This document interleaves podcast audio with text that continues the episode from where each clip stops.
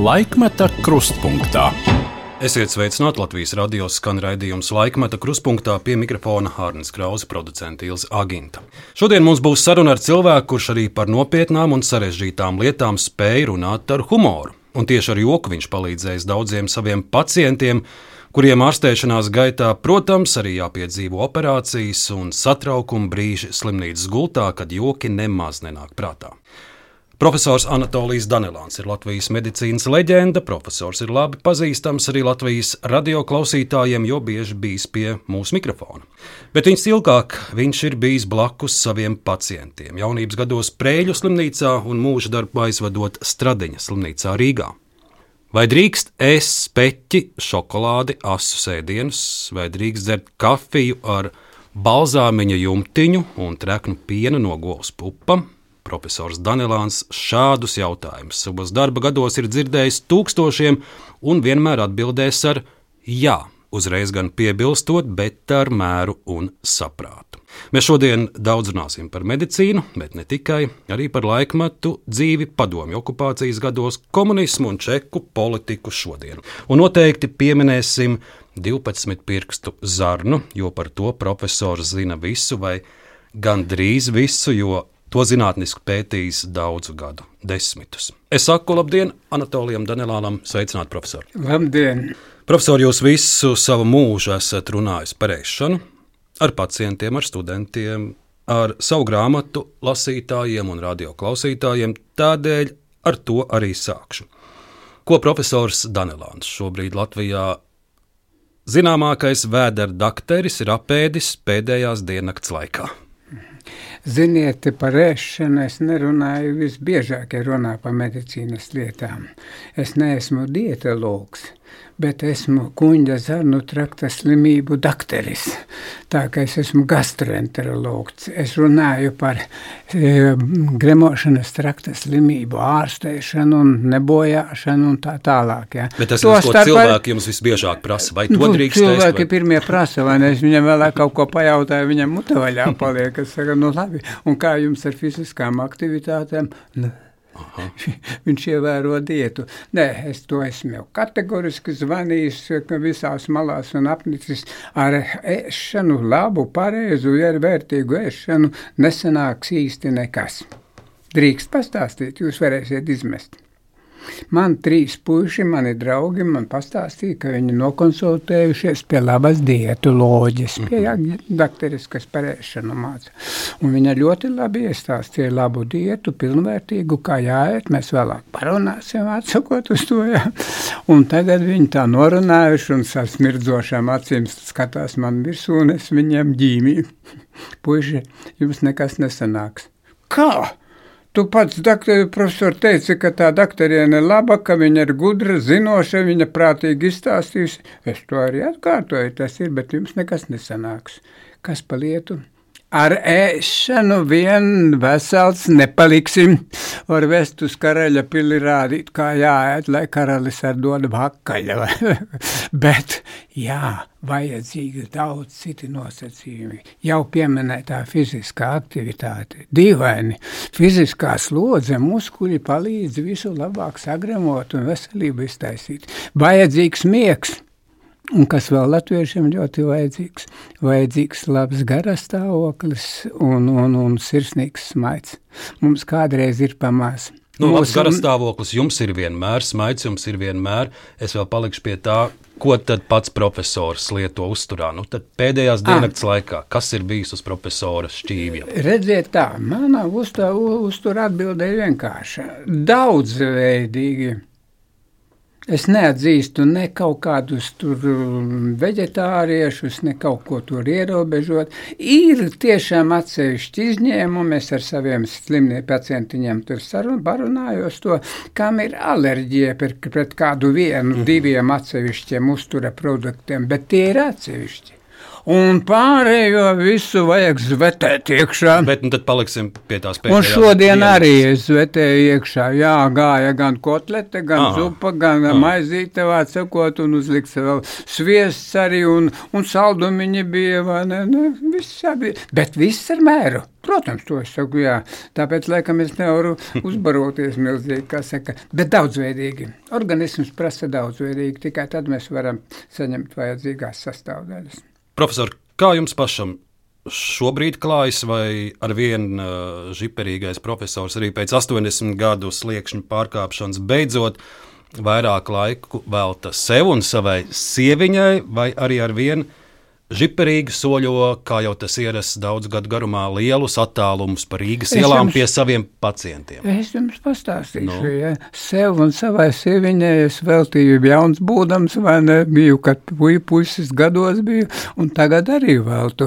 Nu, varbūt pat vairāk, kā viņu zina, kas tur mēra, vai ne, tām ir jādara, mīļie mm. klausītāji, veltiet saviem tuviem cilvēkiem labus vārdus, mīļu, mīļu vārdu kādreiz pasakiet, noglāstiet viņu fizisks kontakts ir ļoti labs, to es visu daru, vai ne? Bet es par Rīgu josdelēju kā agrāk. Kādreiz drusku tagad šķiet, nu, pagaidi, drusku patālu līdz vēlam aiziet, vai ne uz to pagrūti, vai ne vēl divas reizes, vai ne uz treniņēju, uz ziedoņu dārzu, kā saka, uz to. Es trenējos. Nedomāju, ka bet es... Jūs dzīvojat pārdaugavā un dodaties uz ziedoņu dārzu? Jā, tu lai trenētos. Lai, jā, tur pusotru stundu ņemos pa sporta zāli ar kopā ar trenera vadībā nosvidis, kā uzliks un tad eju atpakaļ. Un te jūs gribat teikt, ka šodien ar uz radio jūs nācāt ar kājām? Nu kā tev, kā jūs, man ir braukšanas biļete, kauns atzīt, es goda vārds, man nav jāmaksā par braukšanu, esmu tur kaut kādas visas tas dabūjis, bet um, es eju ar kājām, es nestāstu tramvaju un trolēbusu vadītāju, ka man ir, un tomēr es nebraucu, lai viņiem nav nērti. Žēl cilvēku. Es eju kājām. Šodien arī, nu kas tas jau teicu, pāri tiltiņām vai ne, tā, ne tālu, atsakot pāri no pārdaugos. Rīgā ir tāda pārdaugava. Ir, ir. Es tur dzīvoju un no turienes uz radio. Radio es jau sen zinu, kur ir. Jūs neesiet mainījuši savu novietojumu. Tā kā jā, ne, kājām. Un darbs ar pacientiem, ar studentiem? Redziet, darbu, protams, ir gadi, un es esmu slodzi mazinājis. Tas ir godīgi. Mm. Tā arī jādara. Aicinu visus kaut kur jēga jāsaprot. Nu, ko tu simtgadīgs vai būšu, un tur raužos kā turks vai ne uz to. Mazāk ir, bet es, jā, es, nu, man jau kauns atzīties atkal. es pieņemu slimniekus divās vietās piektajā poliklinikā un Stradiņa slimnīcā. Nu, goda vārds tas nav, ka es būtu jūcis uz naudu un tur, tur neko tur lielu es nepelnu, atzīšos godīgi, vai ne, bet es vienkārši man patīk darbi, vai ne, patīk, kā saka, palīdzēt, kas saka, uz to divās vietās. Jā, strādāju. Tomēr, un ir kādi kas... arī jaunie kolēģi, kuriem jūs nododat savu pieredzi un, un padomu? Jā, Jo e, tagad lekcijas esmu e, atteicies uz to, bet ir daudzas lekcijas e, ne mediķiem, kas man ļoti patīk. Tur mana niša ļoti patīkama. Jo izrādās, es uz, tā redzu, esmu pamanījis, ka nemediķi nav nemaz tik aptaurēti. Viņam var stāstīt gudras lietas tikai saprotamā valodā. Nestāst tur kādu eikoza pentēnu, kā abionē, ja grib izlikties gudrāks kā esi, bet e, runā drusku sarežģītāk nekā ar mediķiem, zinošiem mediķiem, bet mēs ar tiem stāstu. Un, protams, arī mediķiem. Piemēram, aizvakar mēs skatījāmies slimnieku, kurā ļoti liels nespēks, vājums, un tagad es briesmīgi lielīgs esmu, tāpēc lielos, var sakot uz to. Kāpēc nē, bet tas ir nopelnīts, un tāpēc es lielos. Viņa stāsta liels vājums, profesori, nevaru pastaigāt visu. Man parādīja visas analīzes, kompjuter, tomogrāfijas, ultrasondas, nu viss izmeklēts un tā tālāk.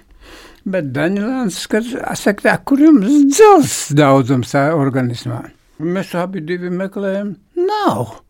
Un e, vakar vakarā es saņēmu pēc mana, pēc mana lūguma, ne, lai noro, norīkoju viņu parodu. Jā, pilnīgi trūks dzels.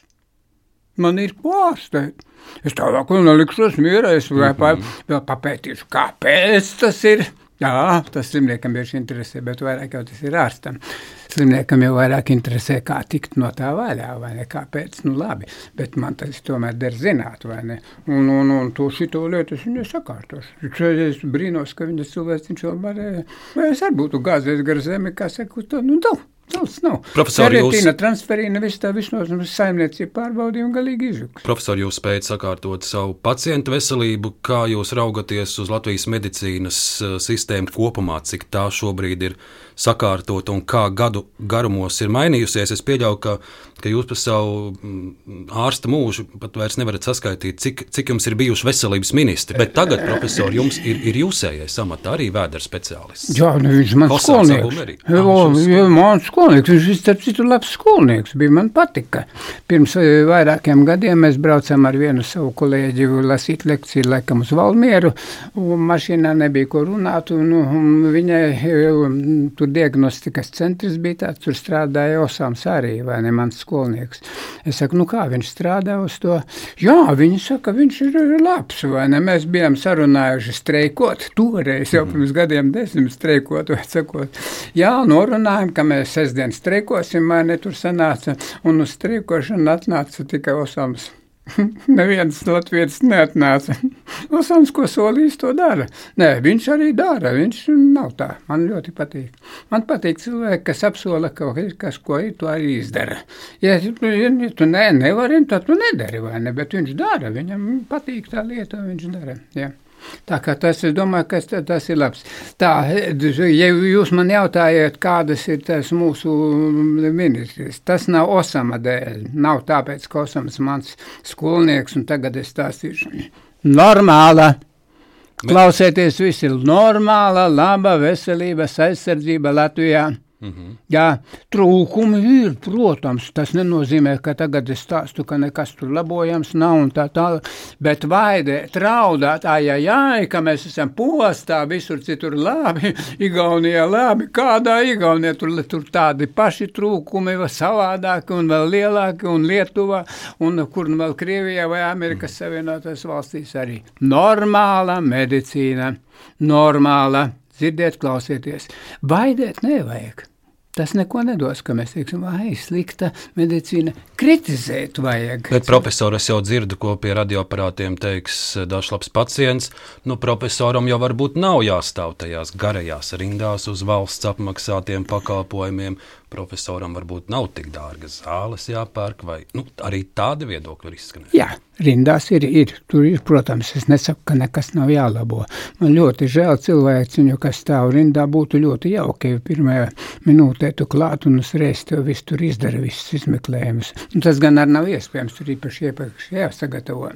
bet, bet, protams, protams, tādi trūkumi ir. Es nesaku, ka mums ir ideāla. Jūs neievērojat, es teicu, normāla, laba. Salīdzinot ar citām pasaules daļām, mums nemaz neko tur stiprāk nepaliek.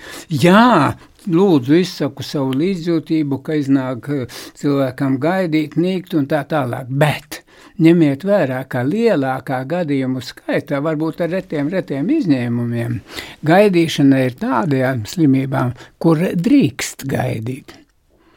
Tas ir gadiem, tur daži mēneši, vai pusgads, vai pat gads, vai ne viņam būtībā par to jautājumu neizšķir. Gaidīt ir pretīgi, es piekrītu uz to tā tālāk. Bet, ja gadījumā nedrīkst gaidīt, ir kaut kāda ļaundabīga vaina, mums ir zaļie koridori, kā sakos, tā cilvēks iet bez tādas īpašas gaidīšanas. Atkārtoju vēlreiz normāla. Ar trūkumiem, jā, labāk vienmēr var izdarīt. To es piekrītu tiem, kas vaid un raud. Bet es tikai par to, ka lūdzu arī vaidētāji lūdzu mazāk vaidēsim. Jo rēķiniet ar to, ka jūs te vaidēdami, jo redzi, ka vaidēšana jau ir viss tā teikšana, ka slikti, slikti nav kritika. Kritizēt vajag, es jau vienreiz to sacīju. Jā, bet lai labāk būtu, jācenšas labāku paliek. Bet, ja tu sāc jau pīkstēt, vaidēt, nemīlēs, tur ir kaut kas cits vaidē. Vaidēšana bieži vien ir paša sevis slavināšana. Profesori Klā- daudz, profesori daudz arī vaid un pīkst un kritizē mūsu politiku un politiķus un partijas. Un pēdējā saimnes vēlēšanās daudz bija pārsteigti pēkšņi ieraugot profesoru Danilānu saimnes vēlēšanu sarakstā, kandidātu listē no attīstībai par. Jūs kandidējāt uh, Rīgas uh, sarakstā, bijāt ielikts 39. vietā, ļaudis jums salika plusiņus un mm -hmm. pabīdījāties uz 13. bet bija pa īsu. Tomēr ne saraksts, ne jūs uh, parlamentā neiekļuvāt. Kāda, kāda bija tā, tas jūsu apsvērums?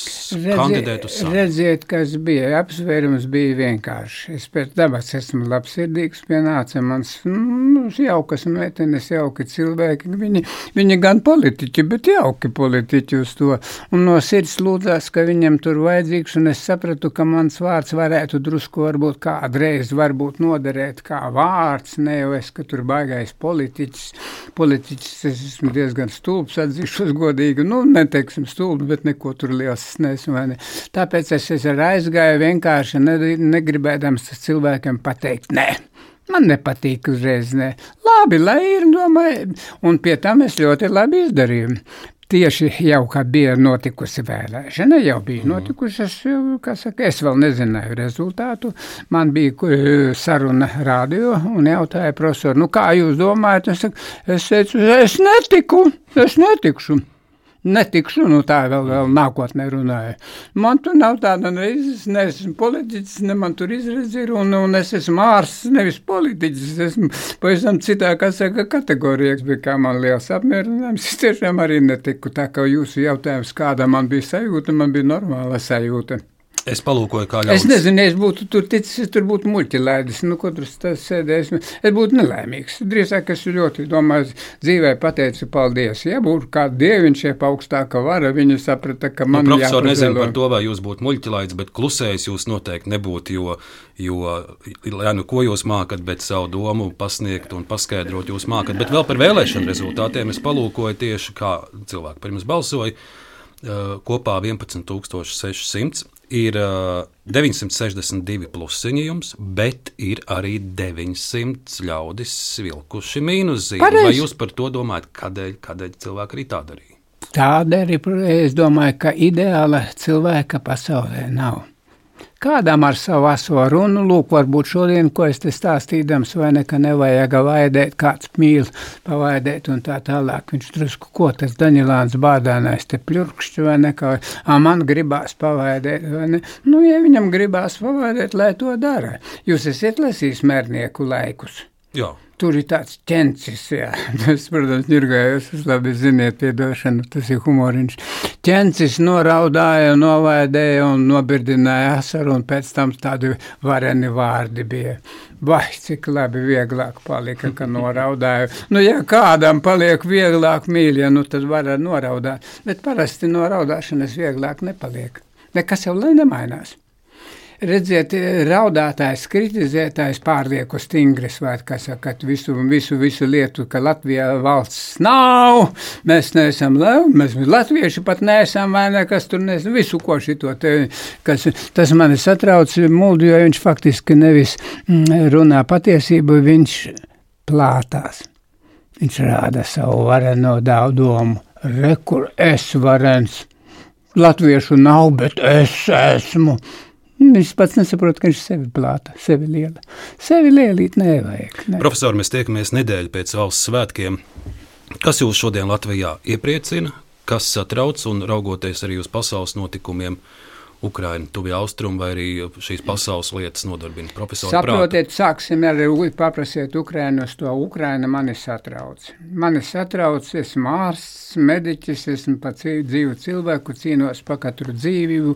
Jau sacīju, ka es priecājos, izdoja, izdodas izvilkt no kaulēnās ķetnām ārā kādu cilvēku. Tā ir mana laime, prieks, un es sūtīju cilvēku, lai viņu tur nogalina, so tas ir kaut kas, kaut kas ārprātīgs, pilnīgi nav saistāms ar manu, manu domu, kas notiek tas tā Ukrainā uz to. Ja? Bet es atkal, kā visur saku, vajag divas daļas, vai sakot. Ukrainā, protams, šaubu nav, tas ir slikti, vai ne?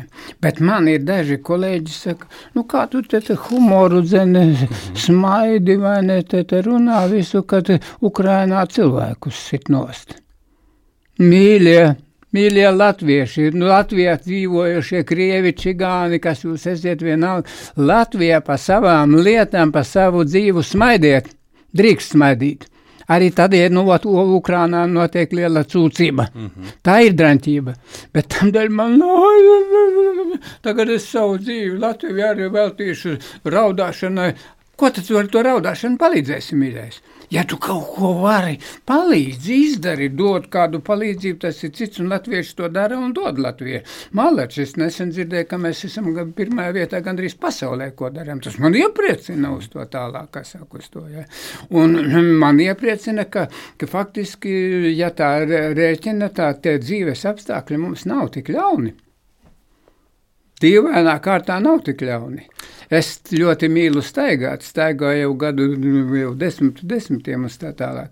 Bet tiešām tos ubagus, nu man saka sieva, ka tos policija savāc. Ubagus ielām redz stipri mazāk kā bija. Bija pilns tantītes onkulīšu, vai ne, kas tur sēdēja, vai ne, lūdza tur, kāpēc viņas uz to tālāku, tā, tā, tā neumlīga sajūta, kā saka. Starp citu, Amerikas Savienotās valstīs sev pa prieku, piedodiet, tas ir tāds nav labs prieks. sev pa prieku es arī redzēju, ka daudzi guļ uz ielas, ielas un Ņujorkā, vai ne, uz to. Arī ir, kā saka, tā lieta ir. Tas, jā, tas man nepatīk, vai ne, uz to. Bet kopējais dzīves līmenis Latvijā, mūsu kultūra, mūsu dziesmu svētki, tas, ka mēs te sportā gūstam panākumus, kā saka uz to, tas mani ļoti apsveic. Neliela priecina. Neliela tautiņa, bet mēs to gūstam. Kāpēc? Protams, nevajag, nu, mēs baigie. Ziniet, ko nevajag? Latvieši vai Latvijā dzīvojušie, Latvijas krievi, kas ir latvieši kļuvuši, vai Latvijas, visi ir latvieši, kas latvieši. Latvijas cilvēki, tā teiksim, vai Latvijā, jā, Latvijas čigāniņi. Man draugs čigāns Tulzā ir Gecīts čigāniņš, ļoti labs, vai nekas saka uz to, jā. Un uh, uh, ne, neiesim tur uz to kritikām, uz tā tālāk visu, vai ne, bet vairāk uz to uztversim labo profesori, lai ļaudīm nerodās priekšstats, ka profesors Danielāns vispār ne uz ko neraugās ar kritisku aci. Es kā pirmo no mūsu šodienas arhīvu fragmentiem jums un klausītājiem atskaņošu no Latvijas televīzijas, no panorāmas arhīva sižetu no 2009. gada. Tā autora ir Aika Ince, un toreiz arī ir diskusijas par budžetu. Arī par budžeta samazinājumu veselības jomai ir ļoti daudz ārstu uh, kuriem ir pienākuši pensijas gadi un kur apdomā vai turpināt strādāt vai iet no medicīnas prom. Un 2009. gadā profesors Danelāns saka šādus vārdus. Tur jau bez tā sauktās kobras rīšanas ir skaidrs, kas valstī kaiš diagnoze, smaga aptaukošanās, ko izraisa ierēģņu armija un dažādas valsts aģentūras. Lūk, bet pie tās arī paliek. Lūk, profesors Danilāns ir arī kritiski raudzījies uz norisēm, tad nu, mazs fragments no panorāmas sižeta 2009. gada jūnijas. Jums slimība mēs atradām, ļoti pareizi atradām slimību kāda vaina. Un ļoti jauki, ka mēs viņu konstatējām un zināsim, kā ārstēt, un tā ziņā varēs palīdzēt. Anatolijas Danilāns medicīnai veltījis 40 sava mūža gadus. Viņš ir valsts vadošais speciālists gastroenteroloģijā, ļoti iemīļots jauno mediķu skolotājs, un vizītēs Stradiņos tieši viņš vissirsnīgāk aprunājas ar katru slimnieku. Ko nozīmē nu ir? Salīdzinoši, kā man bija. Ir vieglāk. Jā. Jā. Pensija taču ir mana nauda, mūsu nauda. Mēs jau iedavām valdībai to darīt. Es uzskatu, ka valdība nedrīkst nākt pie maniem dzīvokļiem, ņemt manu gultu vai manu kumodi vai ne manu nostu. Vai ne. Tāpat viņi man nedrīkst arī manu naudu atņemt, kā saka uz to. Viņi to atņem tikai pasaka, ka viņi samazina. Viņi, lai tur varbūt es viņu pateiktu, zinu, ka mēs aplaupījām. Nu, tas viss labāk skanētu televīzijā. Ņēmām un ar bandītiski aplaupījām. To, kur pacientu novedusi līdzinējā politika, viņš palātā redz katru dienu. Naudas trūkumā slimnieki prasās laukā no slimnīcas, kaut pašiem ļoti sāp. Cilvēki melo. Viņam nav naudas, ko pārlikt. Viņš redz, ka viņš melo. Me, profesor, man tīri nekas, tīri labi. Viņš negribēdams man saka, nestāsti situāciju pareizi. Viņš ir spiests, nabaga cilvēks to darīt. Viņš nav vainīgs. Tas ir viņš ir iespējas. Latiem, nu, protams, tas ir viss, ir, tas ir, tas ir medicīna nav pieejama. Cilvēki nevar. Man aizliek, es, piemēram, tagad man ir vēža slimnieki. Es nevaru aizsūtīt pie laba ķirurga, jo viņš ir atvaļinājumā. Bez algas atvaļinājumā, mīļie. Diagnozi valstī gastroenterologs nosaka uzreiz. Latvija ir pārbarojusies. Es esmu redzējis pārbarot cilvēku. Nu, briesmīgi, ļumvēders, dibens pārbarots, ļumkratās. Viss viņš ēlš pūš nevar paiet un tā tālāk. Izrādās manas naudas vai man apmaksāšanai naudas pietrūkst, jo vajag pārbarot šos resnuļus, taukus. Nu, lūk, Latvija pārbarojusies, mm. jūs vārdi 2009. gadā ir pagājuši jau 14 gadi kopš mm. šis sižets tapa un, un, un jūs šos vārdus teicāt. Tad no jums saprat, ka jūs redzat, ka lietas Latvijā ir mainījušās un kas ir labi, ka mainījušās Jā, uz, uz pozitīvu. Bet ne? ir tomēr arī pazīmes tas, ko es tur runāju, nav vēl viss likvidēts. Nē, vēl nē. ir tās riepiņas uz vēdera. vietas, kur mums iet nepareizi, kur saņem ne, nevajadzīgi visu to lietu sadalījums piekrītu, jā, līdzekļu, līdzekļu patiešām kādreiz trūkst tur, kur viņu vajadzēja, vajadzēja. Bet, ziniet, es tā drusku ar to tāpēc mierinos, ka tas jau nav tikai tikai Latvijā. Es negribu to teikt, ka Latvija tāda ir. Lietuva, redziet, ir skaista, gaiša, burvīga. Mm. Nu, mhm. pat dzīvo Lietuvā, redzēs, vēl no es jau biju vairākus mēnešus. Nu, tāpat ir, vai ne, kā saka, savādākos virzienos. Tā lieta ir, ka nepareizi izmanto naudu, līdzekļus. Ierēģi pievāc, ierēģi armija pārāk liela man ir. Es pats tagad biju aizgājis, vienkārši man tur bija problēma ar eh, bija tur jā, jā, jāaiziet pie dieva. Nu, milzīga papīru kalnu rakstīšana. Man tā meitenes palika žēl. Viņa jautāja, visu izjautāja, rakstīja. Atnāca otrais, arī otrais apskatīja, tad norunāja, kur otrā reize man pateica, kurā dienā nākt izgriezt. Man tur tāda čūliņa uz ādas ir. Mm -hmm burtiski savas ādas. Ja? Ir lieki gājieni, ir liekas, nu ko, nu priekšā to šis var darīt daudz ātrāk. Pirmā reize uzreiz varēja profesori, jums tur ādas vēzis vajag izgriezt cauri, sarunāsim, kurā dienā un ātri.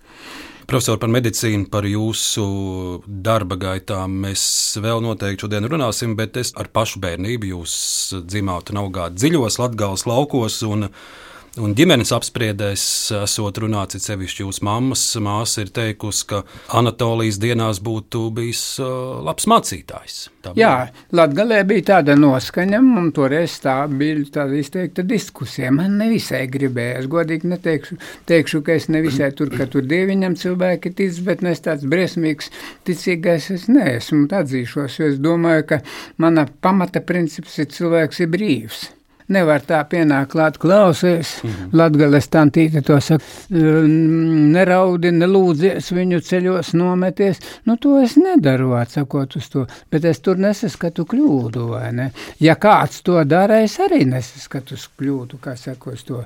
Tā kā e, tas ir atļauts darīt, un, un, un lai dara cilvēki, kā grib. Bet pats es neesmu, kas saka uz pašam man nav tā e, tendence uz tā pārmērīgu ticību, kas tu tā kā vai izlūkties visu es paļaujos vairāk uz saviem spēkiem. Ticībai viena ir daudz labuma, ļoti daudz labuma, ka tic cilvēks uz to. Ja viņš man tic, es cenšos to panākt. Klausieties, mīļie, mīļie, mani pacienti visi klausieties. Es to daru viltīgi varbūt, bet tā nav tīra viltība, tas ir tāda ļoti dabiska, vajadzīga, reāla, normāla vajadzība, uz kā būvēta mana blēdība. Es mēģinu, red, lai mans pacients ierauga manās acīs, ka es viņam gribu palīdzēt. Mm -hmm. Tas man automātiski iet. Tā es esmu aktieris. Bet es to netēloju, lai notēlotu, ka smuki izskatās, grib palīdzēt. Nē, es gribu tiešām palīdzēt. Bet par to aktieru jūs nevelti pieminējāt. Tas nav joks. Bet jūs kā darīt. skolas puika esat arī aktieru pulciņā bijis un, un izrādījis. Jā, jā, es večukiņu spēlēju. Večukiņu. Tā sakretuši zābaki, ka nevar kājās uzvilkt. Es vēl tagad atceros. Labi nesapratu, ko nozīmē sakretuši, bet man bija tas vārds jāsaka. Kas ir tās eh, pirmās eh, spilgtākās bērnības atmiņas, kas jums no Latvijas laukiem eh, arī šodien šeit, radio studijā, nāk prātā? Nu, piemēram, es, es zinu, ka jūs esat bijis Nasks Čaklis, tāds zaru būdu taisītājs. Jā, taisījām zaru būdas, jo katrs gribējām uzbūvēt. Jūta jau dzīvokļu trūkumu, arī bērniņi jūta. Mēs, mēs, mēs, mēs skolotāji, man vecākā bija divi lauku skolotāji skolā, mēs dzīvojām tur vienā istabiņā, kas mm. uz to. Es atceros, ka man bija atnācis ciemiņš, un es ar tur pliku dibanu rāpoju no gultas ārā, kas saka, vēlāk tik kritiku saņēmu, kā tu, tu tā, vai ne? Nu, tas maz zeperis būdams. Bet um, daudz kas arī cits. Man Latgalē, piemēram, ļoti jauki patikušas atmiņas par kaušanos. Mēs izkāvāmies. Ne jau ar ļaunu, ļaunu man nebija.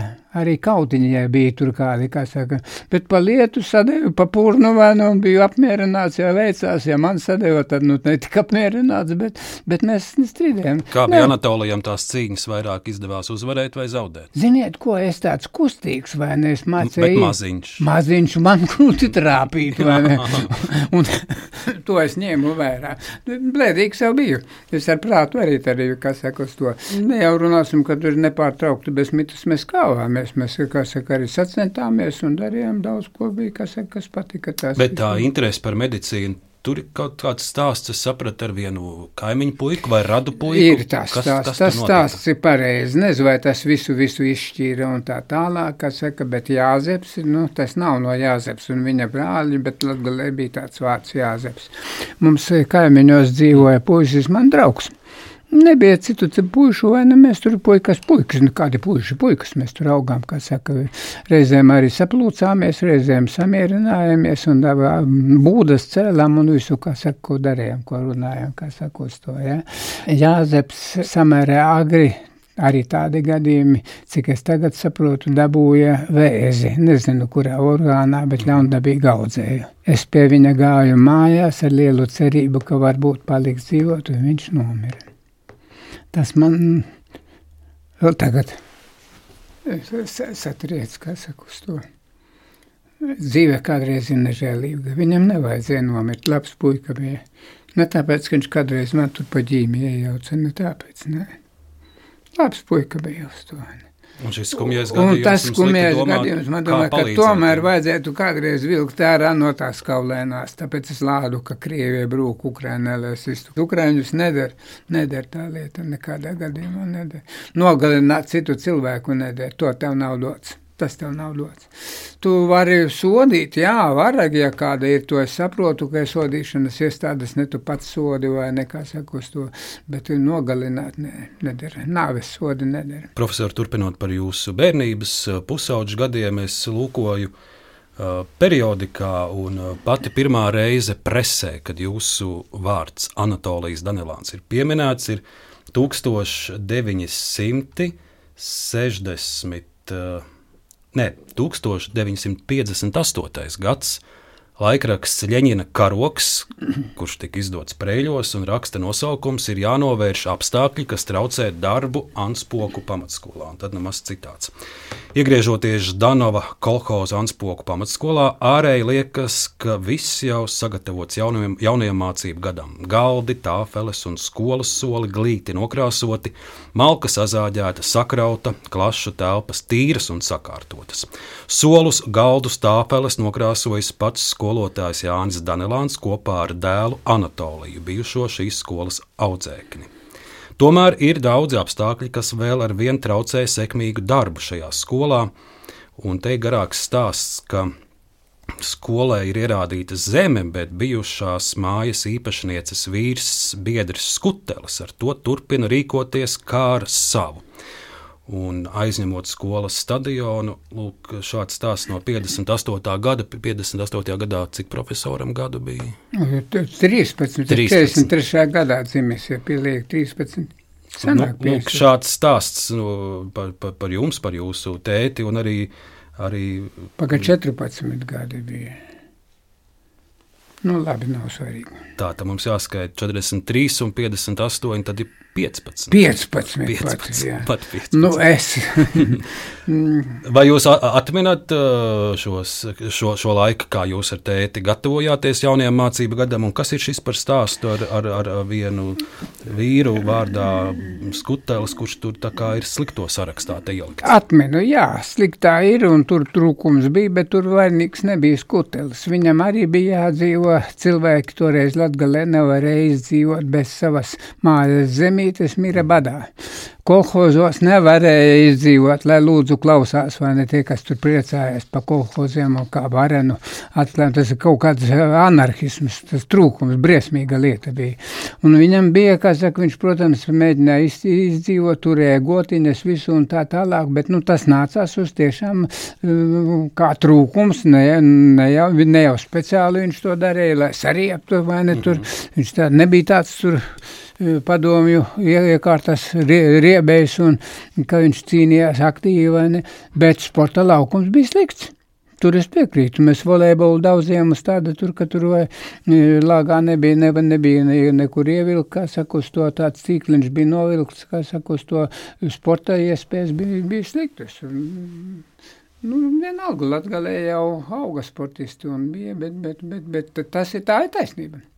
Tā, ir taisnība, bet es domāju, ka tur nevar likt vainu tikai uz to pieminēto skuteli. Viņš vienā ziņā tīri lāg, lādzīgs vīrs bija, vai ne? Viņš Bet tur kaut kāda saķeršanās ar, ar jūsu tēvu ar viņam bijusi. Bija saķeršanās. Viņi bija labi, labi. Tēvs bija skolotājs, skutelis bija tās mājas īpašnieks, tas vīrs, vai ne, kā ja tā mēs tā runājam, vai ne uz to. Nu, un, Latgalē ir e, Šmakovs, ka jūs jau varbūt esat dzirdējuši. Nevienu dzirdēju. Abi, abi vīri drusku ierauši, ne ar ļaunu, tāpat kā es teicu, ka es tur ar saviem draugiem nolēma cīkstēties, lausties klasiskajā cīņā. Aha. Mans tētis nav liela auguma, bet nu, tāds viņš spēcīgs, saka, uz to skutelis bija vēl varanāk, lielu, smagāku, smagāks, var, tur nebija godīga svaru attiecība. Toreiz mēs nemācījām aprēķināt. Bet tētis viņu nolika uz lāpstiņām. To skutē. Jā. Bet skutelis, kas gods kam gods pats, smaidīdams celās augšāk, tu malacis, kā tu man aizliki kāju priekšā un es nolikos. Nē, nebija tāds, ka tagad es tev... Mēs runājam par jūsu tēti, raugoties par, par jūsu senčiem. Tātad jūsu tēvs ir Jānis Danilāns, mamma Emīlija. Jānim atkal vecāki ir Zuzana un Donāts, Jā. jūsu vecvecāki. Es raudzījos, ka Zuzanai bijis interesants meitas uzvārds. Vai jūs zinat, kāds tas ir? Nezinu. Šična. Sična vai sična. Tādu, Sična tādu reti. Jā, tāda ir tā. Bet paklausies, Daņlāns arī jau nav biežs uzvārds, vai ne? Bet- Es, es vēl zinu, ar āni ir ar āniem, Latgalē āni, tur ir leitāni, mērāni, bet eh, ir arī āni citur. Miterāns jau nav latgalietis. Nu, lūk, jūsu tēvs ir Jānis, tēva mamma ir Zuzana, un savukārt viņai tēvs es atradu bijis Semjons. Un mm -hmm. šī Zuzana 20. Uh, 20. gados dzīvojuši Rozenmuižā, kas ir, kas ir vēlāk Stoļerovs pagasts. Tā ir tā viena no pusēm, ja, kur jūs nākat. Bet tieši pašā tā Stoļerovas tā mūžā viņi nedzīvoja, viņi blakus. mājā, Blakus, jā. jā. Tad tas, tas ir Rēznas pagasts, jā, aptuveni Rēzeknis. pus- Rēzeknis pagasts. Rezeknis. Jā. Ā, pagasts varbūt kaut kas tā toreiz bija pagasts arī savādāk, bet tagad tas ir Rezeknis. Čipoti varētu būt tāda. Jā, arī. čipoti bija, bija tad, uh, laļi. Tie bija, kur viņa mamma, kur vecmamma dzīvoja, tie bija laļi. Daudz, Es laļos nodzīvoju vienu vasaru un tur samācījos Rīgas medicīnas institūtam. Man tur neviens netraucēja. Es staigāju, kā saka, un lasīju, kā saka, fiziku, ķīmiju, kas tā, tā un, un, un bija tīri labi sagatavojies. ne, Jo.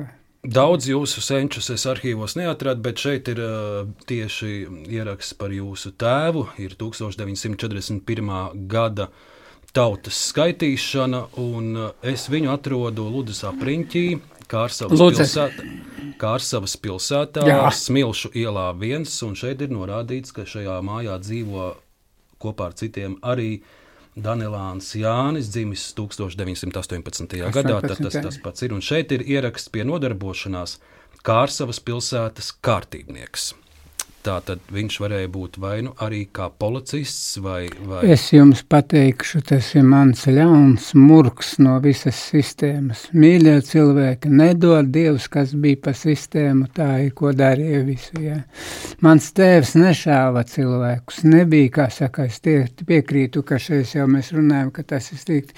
Viņš bija beidzis vidusskolu, Aglo, Ag- Ag- Aglonas ģimnāziju, Latgalē tā bija laba izglītības uh, iestāde, vai ne, un viņš strādāja, viņš bija skolotājs. Un tad, kad ienāca vācieši skolotāji, paņēma strādāt policijā kaut kādus papīrus tur kārtot. Viņš kārtoja papīrus. Ja te ir rakstīts kārtībnieks. tā kā. Jā, nu, nu, nu kārtībnieks labi. Viņš ar papīriem ņēmās viņš to. Es zinu, ka viņš man stāstīja ļoti daudz, kāds stāstīja, cik daudz cilvēkus viņš brīdināja, tu šodien neguli mājās, tev atnāks pa, pa, paņemt ciet, vai ne? To viņš daudziem darīja. Kaut kad pats riskēja uz to, vai ne? Tāds aktīvs cīnītājs viņš tā saka nebija. Bet šis te man gāja līdzi kā ļauns murgs. Šis tēvs ienaidnieka dēls es biju, jā. Es biju otrs šķiras cilvēks. Es nebiju visu padomju savienības laiku, es nebiju īsts Latviju, nu, padomju cilvēks. Es biju otrās šķiras. Ziniet, tā, nu, var jau dzīvot otrās šķiras, galu galā var to neņemt vērā, bet tomēr tas atstāja ietekmi. Mīļie, Čeka bija drausmīga iestāde. Tāda iestāde, ka nu nedod Dievs, kā sakos to, vai ne, tik nejauka, kur tur nav vainīgi tie daudzi cilvēki, kas tur patrāpjas pa ceļam, tu nevarētu nekā izgrozīt. Profesor, jūs jau esat to stāstījis arī medijos savu stāstu par jūs to, kā jūs, atklāties, par to, kā jūs kļuvāt par VDK aģentu, un tam ir ļoti cieši saistība ar to, ko mēs tieši šobrīd tieši runājam ar, ar jūsu tēti. Es glābu tēti, jo viņu ņēma ciet citādi. Viņš ilgu laiku slēpās, viņš uzvārdu nemainīja, Aha. bet viņš strādāja pa skolotāju, viņš neteica, kā saka uz to. Viņš bija pār, viņš no tiem nu, ar savas bija pārbraucis uz Latgales dziļiem laukiem. Tālu jau tas nebija, bet tomēr cita vieta viņu neatkoda ilgu laiku. Bet tad viņu atkoda. Hmm. Jā, un tad sākās visas lietas, vai ne uz to, ka es domāju, ka es būtu bijis Sibīrijā. Lūdzu. Kāds bija tas veids, kā jūs glabājat savu tēti? Es, es vienkārši es vienkārši te, man pateica, nu, jūs būsiet ar mieru būt ziņotājs. Es tur mūdēju viņiem. Nevienam cilvēkam ļaunas neesmu izdarījis, lai man kāds parāda, ko es viņam esmu tur parādījis, kas ir. Es atklāti, godīgi sakot, pat brīnījos, ka viņi manai mūldēšanai ticēja un klausījās, bet es ar mieru mūldēju, bet mūldēšanas rezultātā mūs neņēma ciet, atstāja tā, tā, ļāva tētim strādāt pa skolotāju. Man ļāva strādāt tā kā ārsts, bija ārsts, man neņēma nost, nesūtīja uz Sibīriju. Mēs, mēs būtu bijuši Sibīrijā. Bet tur bija pat tā, ka jums bija savs segvārds un, un, un, un, un savs kurators, kā, kā tas viss Ziniet, notika. tu varētu būt, bija, bija, bija, tu nāca kāds puisis, vai ne, bet bija, bija kaut kāds vārds bija, bet es viņu pat neatceros, vai ne, kas ir uz to. Kaut kāda iesauka vai kas, kas jums Tur bija? Tur bija iesauka, jums ir taisnība, bet paldies Dievam, ka es gods kam gods neatceros, ne? Labi, es tik atceros to kā tādu ļaunu mulgu, kas ir, ka tā iestādījums bija traks un, tra, un cilvēki nebija vainīgi. Ar ko mans tētis bija vainīgs, ka viņš bija beidzis Aglonas vidusskolu? Ar ko viņš bija vainīgs?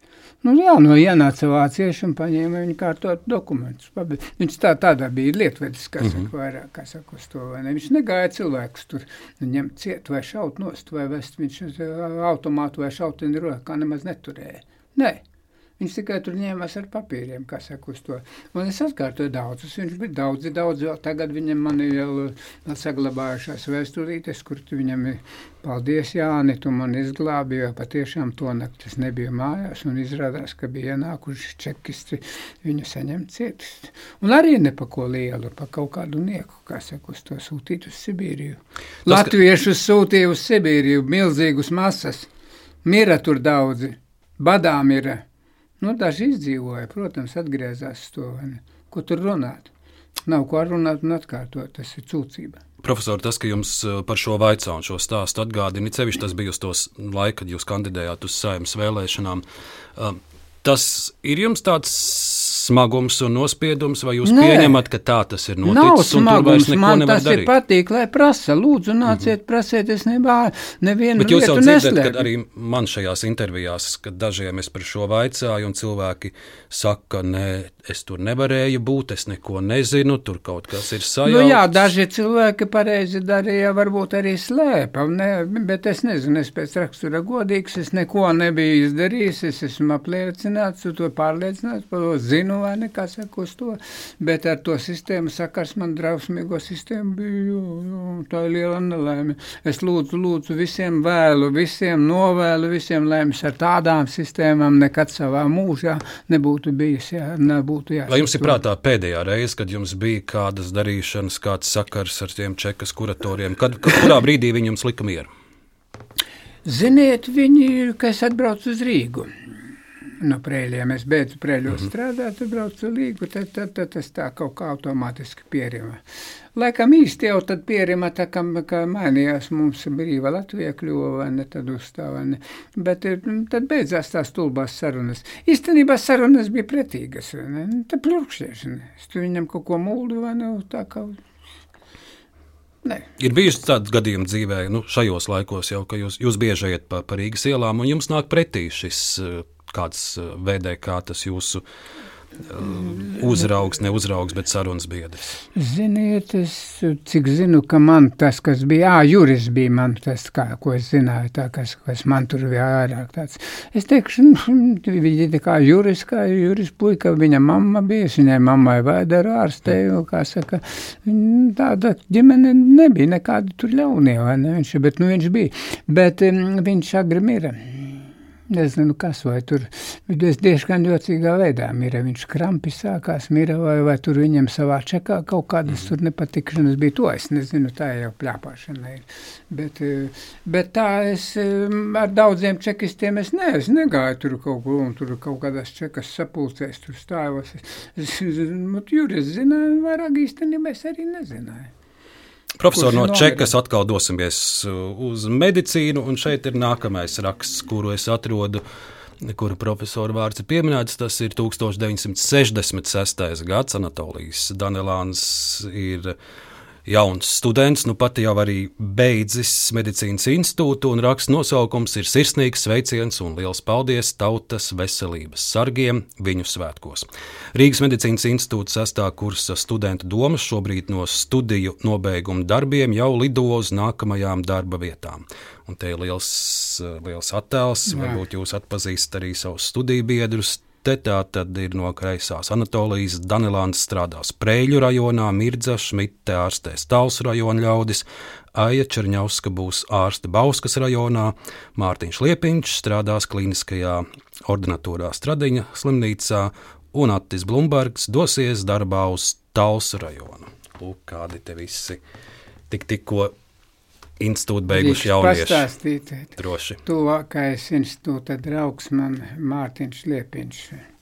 Viņam, diemžēl, ir ar, tagad viņš nevar strādāt savas mm, veselības apstākļu dēļ. Mēs esam vienā gadā dzimuši, 43. gadā. Un man bija, viņš bija tuvākais draugs.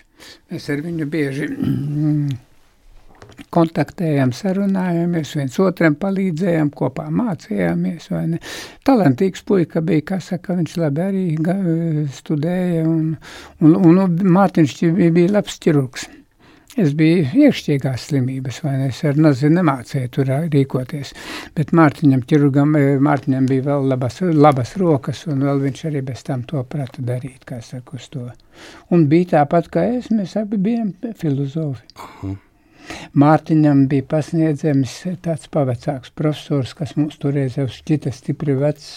Tas ir manā, manos gados, toreiz tas bija profesors Ezerietis. Mm -hmm. Bet nu, viņš drusku tāds jocīgs bija, pie viņa aizgāja, viņš tur reizēm pa gaisu gāja, kā saka uz to. Es tā skatos, drusku smaidīdams lūru, Mārtiņš man baksta sānā, tu neņem galvu, viņš nav ļauns, viņš tik tā, kā saka, to izrunājās uz to un tā. Tādi profesori bija. Tā izvēle, pra... tā izvēle doties uz prēļiem, tā, tā bija jūsu vēlēšanās, vai tas, kā toreiz tas bija nosūtījums? Nē, bija... tā bija mana vēlēšanās. Jā. Es laikam biju zaurētājs, zubrītājs mm -hmm. un beidzu ar sarkano diplomu. Un man paiesauca pirmo, un es, nu tad, kur jūs gribētu, mēs ar Mārtiņu beidzām, kur, kur jūs tu gribi, kur gribētu, vai nekā sakos to, ja. Un man no laika galā es jau biju jā, praksis gājis, ārstniecisko studēdams, es prēļi, prēļi, uz prēļiem es arī aizgāju. Un profesor, nākamais būs tās, kā jūs no prēļiem atgriežaties Rīgā. Un šeit atkal citāts no laikraksta. Šoreiz tā ir padomu jaunatne 1971. gads. Un raksta padomi. nosaukums ir visam vienkārši Anatolijas Danilāns. Tāds ir arī raksta nosaukums. Citāts. Anatolija Danilānu medicīnas institūta sastajā kursā ievēroja profesors Nikolais Skuja. Ievēroja šo neliela auguma žiglo studentu, kurš nemitīgi uzdeva komplicētus jautājumus un vienmēr mēģināja iedziļināties parādību būtībā. Bet mazliet vēstures. 68. gadā nodibināja Republikānisko gastroenteroloģijas un dietoloģijas centru, radās nepieciešamība pēc jauniem speciālistiem. Un profesors Nikolais Skuja šeit saka, un es sāku meklēt, kur ir palicis šis jaukais students. Uzzināju, ka viņš strādā Prēļu slimnīcā, aizrakstīju, Danilāns atbrauca uz Rīgu, nokārtoja eksāmenus, izturēja konkursu no 69. gada decembra. Viņš jau ir aspirants uh, gastroenteroloģijas centrā, Rīgas Medicīnas institūta terapijas katedrā. Un te arī profesors Skuja saka, ka Danilāna uzdevums ir prognozēt 12 pirkstu zarnas čūlu. Raksts ir garāks, tas ir, tas ir stāsts Jā. par to, Un šis ir stāsts par profesoru Skuju, kuram, es saprotu, ir arī būtiska nozīme jūsu, jūsu mediķa darbā un pirmajos soļos. Īpaši. Jā, jā, nepateikšu, kāpēc. Droši vien, ka tur arī es pats esmu nopelnījis, jo patiešām pareizi vārdi ir, ka es mīlēju jautāt. Es droši jautāju, nu, jo es zinu, ka jautājums nav, nav kauns. Cilvēki mm -hmm. bija kolēģi man, kas kautrējās. Nu, kā tā es prasīju? Prasi jautā, ja tu nezini, tas tas nenozīmē, ka tu esi mūļķis. Tu gribi uzzināt, būt palikt gudrāks. Tas ir cita runa. Tā kā es mīlēju jautāt un tā tālāk uz to. Ja. Gribiet, es pastāstīšu. Tas nebija ar skuju, tas bija pediatrijā. Bija tāda garlaicīga nodzīme bērnu slimībās, garlaicīga nodarbība dzē, rādīja zīdainīšus mums. Mācīja, kā barot. Tur mm -hmm. ļoti turēt, pieturēt galvu viņu, jānopietur, lai viņš nekrīt zemē. Nu, apmēram kādas 40 minūtes godīgi teikt, pļāpāja labas lietas. Un es taču saprotu, ka bērniņš nav jāmet uz grīdas un tā tālāk, vai ne uz to. Un, Un, un jānosver bērniņš pirms barošanas un pēc barošanas. Tagad viņa beidzas stāstīt, vai ne? Nu, un kādi, kādi jautājumi varbūt ir, es viņai par lielu prieku, vai ne? Prasu, man ir jautājums, jā. Pasniedzēja, kāpēc jāsver zīdainīca? Kā daņināt, jūs nesaprotiet, tad vajag nosvērt pirms ēšanas, pēc barošanas ar krūti, un tad zinat, cik viņš ir apēdis uz to. Jā, jā es saku, es to zinu, bet, nu, es saku, es drusku neieriebdams, bet kāpēc nesvērt māti? Pirms barošanas nebūs jāpietur galva, viņa no ratiņa, viņa negāzīsies ārā, nosveriet man. Viņai palika mute vaļā, viņa saprata, ka es drusku apceļos, vai ne, kā saka uz to, ja. Redz, tā bija mums arī ar Nikolaju, mēs, kā saka, mums bija diskusijas, sarunas, kā saka, uz to man, mm, laikam studiju gados. Viņš tās manas indīgās jautājumus, reizēm ar drusku tādu smaidu, vai ne, viņš atcerējies bija, bet viņš bija pareizi uztvēris, nevis ar tādu kādu nepareizu domu, viņš bija pareizi uztvēris un mani paņēma. Tas ir tīrs Nikolēs, ko es nopelns, es vēl preļos ar sievu ilgi spriedu, vai braukt jau bija pierasts strādāt, jau ārstēt slimniekus, man daudz pacientu jau bija un mm, patiku pacientiem un man pacienti patika. Nu, protams, ne visiem, kā jūs jau teicāt, bet, bet principā tomēr izlēma aiziet. Vēl no profesora Skujas teiktā 71. gadā padomu jaunatnē. Ko Danilāns ir padarījis? Jāatzīst, ka esmu apmierināts ar viņu paveikto. Viņš ir ļoti interesanti salīdzinājis dažādus sekrēcijas pārbaudas datus un no koeficientiem radījis jaunu informāciju. Viņš ir sastādījis matemātisku metodi, kā visus faktorus var izteikt skaitļu vērtībā, un pašreiz mēs jau esam pieraduši pie tā, ka Danilāns saka, ka 12 pirkstu zarnas čūlas prognoze ir 12, 25 vai 30 skaitļu vērtībā izsaka kopējo slimības prognozi. Un te arī teikts, ka Danelāns iesniedza medicīnas institūtam četrus racionalizācijas priekšlikumus. Laikam bija, ja vēl laikam nāca vēl vairāk. Bet par to prognozēšanu man pārēsim drusku tā, ka mm -hmm. klausītājiem varu paskaidrot, vai ne? Man tieši, kad es aizstāvēju disertāciju, viens no profesoriem, tur ļoti daudz profesoru anatomikumā bija, es to nobijies kā dieks tur stāvēju, vai ne? Un man jautāja, nu jā, nu vai jūs pēc saviem tiem tur sekrēcijas datiem, analīzes, zondēšanām, visām tām lietām variet pateikt, vai viņam ir čūla vai nav čūla nu, 12 pirkstu zarnā. Nu, tur viņai skuņģi ir 12 pirkstu zarna. Viņa nav 12 pirkstu resnā zarna, kā mans tētis teica, bet viņa 12 pirkstu zarnu gāra, vai ne? Nu, lai būtu. Vai tur es skaidri atbildēju, nē, ziniet, es pateikt ar saviem datiem nevaru, ir vai nav čūla.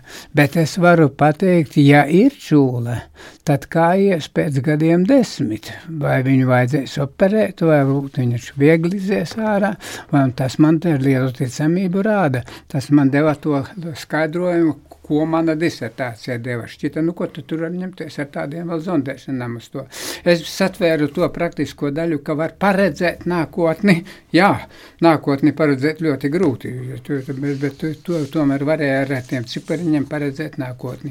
Ja liels skaitlis, liels ne, cipars, tad liela procenta iespēja, ka būs aizgātie visi bija izoperēti cilvēki. Tagad mazāk to dara, protams, bet to laiku ļoti daudz operē, nebija tik efektīvi medikamenti to nekas, uz to mēs ārstējam. Profesor, jūs esat ārstējis neskaitāms pacients, bet noteikti jāmin arī jūsu zinātniskais darbs. Un, un viens no tādiem funda, fundamentālākajiem droši vien ir jūsu triloģija par aknām, chroniskas aknu slimības, hepatīti un, un aknu cirozi. Tas, tas ir viens no tādiem, var to saukt par jūsu mūža darbu. Ziniet, domāju, ka jā, var saukt. Tas ieliku lielas pūles, jo toreiz um, aknu slimības slikti zināja uz to. Tas bija nu, grāmatas paredzētas uh, ārstiem, vācakot uz to, lai, lai tā tām lietām lai varētu tikt. Kaut gan es nebiju hepatologs vai ne, bet man ar aknu slimībām iznāca bieži vien darboties. Tāpēc es, mm, jā, es domāju, ka es rakstīju, biju pētījis, bet tas bija daudz strādāts ar literatūru. Es ņēmu pasaules literatūru, to laiku nebija vispopulāra, bija ļoti populāra Krievu literatūra, bet tā nebija labākā literatūra pasaulē. Negribu apvainot medicīnā, vismaz ir bijuši literāri darbi krieviski ļoti skaisti, labi, interesanti, bet um, īstā medicīniskā literatūra tomēr angļu valoda. Angļu, angļu. Un tūlīt, profesori, mēs redzēsim ļoti atšķirīgus veidus, kā, kā jūs pētat zinātnē, un par to stāstat arī sabiedrībai. Ir, ir, ir, ir pamatīgi zinātnīs pētījumi grāmatās, bet jūs bieži nācāt arī šeit uz Latvijas radio un ļaudīm ar humoru un, kā teiksim, tādā vienkāršākā valodā arī skaidrojāt uh, sarežģītus jautājumus par veselību, par ēšanu, par ārstēšanu. Bet šodien, lai skan viens, nu, viņš ir tāds pagarāks, bet uh, ļaudis būs vērtīgi noklausīties līdz galam. Tas ir no 2020. gada 17. jūnija raidījuma Kā labāk dzīvot fragments. Um, studijā jūs sarunājaties kopā ar kolēģi Elvi Jansonu. Nu, es pat te neko nekomentēšu. Paklausīsimies, jo te ir, kā teikt, profesors Danilāns simtprocentīgi dzirdams un sajūtams. Fragments no 2020. gada. Kā ābols jāēd ar kacenu, kartupeļi kā jāēd ar visu mīzu, vai ne? Tur ir No, tas. jā. Jā, jo redziet, visas šķiedrvielas sadala divās lielās apakšgrupās zinātnieki sadala. Vienas šķiedrvielas ir tādas, kuras tiešām baktērijas ēda, apēda. Vēlāk mēs parunāsim, ko, kas tur no tā sanāk. No, ja. Jā, viņas gremo un garžo viena otrai piesicānā skaties, kur nāk sagremojamā augstskābe un priecīgas metās virsū un garšo un loka nost, kā saka uz to. Jā. Tā. Bet ir otra veida mm, daudz arī šķiedvielu, kuras agrāk es uztvēru daudzus gadus būdams ārsts, uztvēru, ka tikai tādas vajadzīgas, lai vēdera izēja kļūtu vieglāka, lai acis no pieres nespiežas ārā, kad tu sēdi uz podiņa. Nu, vēdera izējas atvieglināšana, aizcietēju mazināšanai. Starp citu, vecā, vecāka gada gājuma ļaudīm tas bieži gadās. Tās ir nesagremojamās šķiedrvielas. Paklausties! Ir trakums, ko mēs tagad runājam.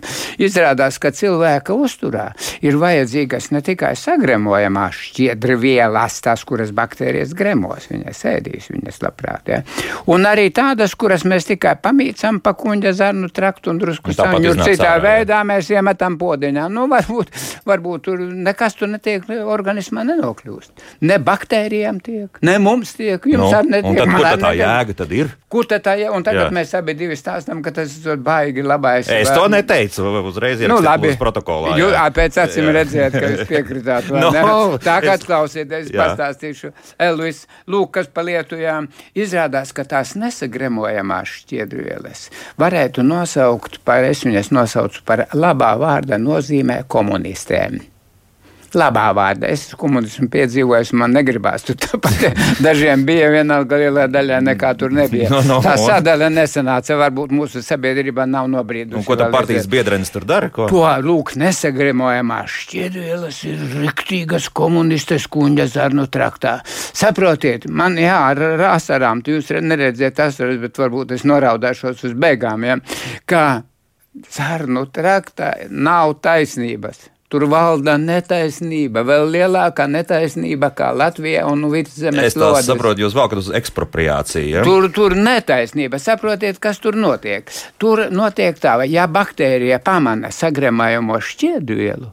Un jau uzreiz metās virsū tā šķiedrviela, kostē nost, ēd nost, piedošana, man tas vārds kostē bija tāds žargona vārds, ēd nost, griezdamās vārdsakot uz, un, un ziniet, kas notiek? Tālāk jau virzoties pa zarnu traktu, sagremojamo šķiedrvielu nepietiek. Tukšs! Mēs sēdam uz taisnās zarnas.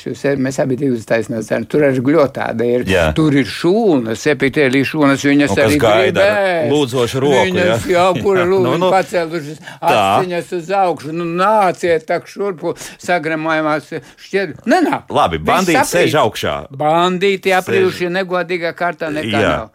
Nu, tad?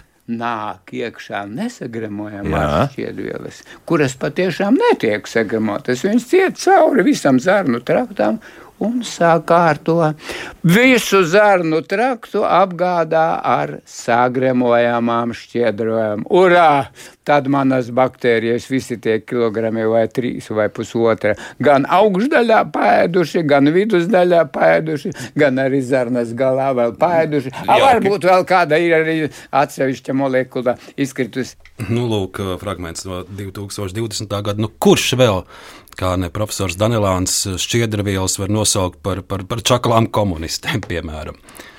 Saprotiet, es to daru daudz kārt, vai ne? Es vienreiz staigādams pa ielu, kad lasīju lekcijas studentiem, es spriedu, kāpēc es lasu lekcijas tādā pavēlošā, pamācošā tonī. Toreiz jau komunistiskā padomju laikos tas bija ļoti svarīgi. Jūs darīsiet tā un ne savādāk, un ēdīsiet tikai sagremojamās un nesagremojamās šķiedrījumos un aizliedzat citādi nepareizi. Tā, tā.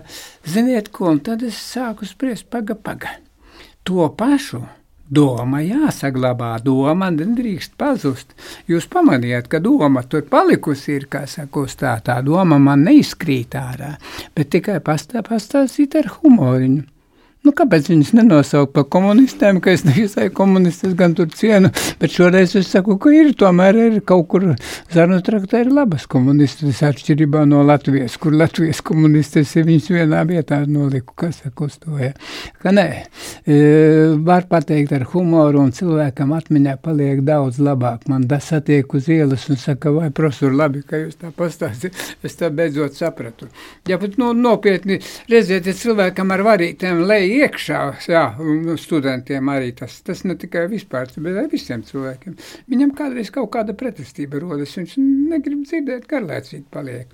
Bet ar humoru viņa paga, paga, ko, jā, jo, izrādās, ka jā, es tagad saprotu, ko viņš grib teikt. Un, jā. Mans moto ir tāds, es bieži vien stāstu ar, muļķībām. Kā redziet, pat kādreiz izsaku tādu žargona vārdu, vai ne, bet, nu, lai paliek.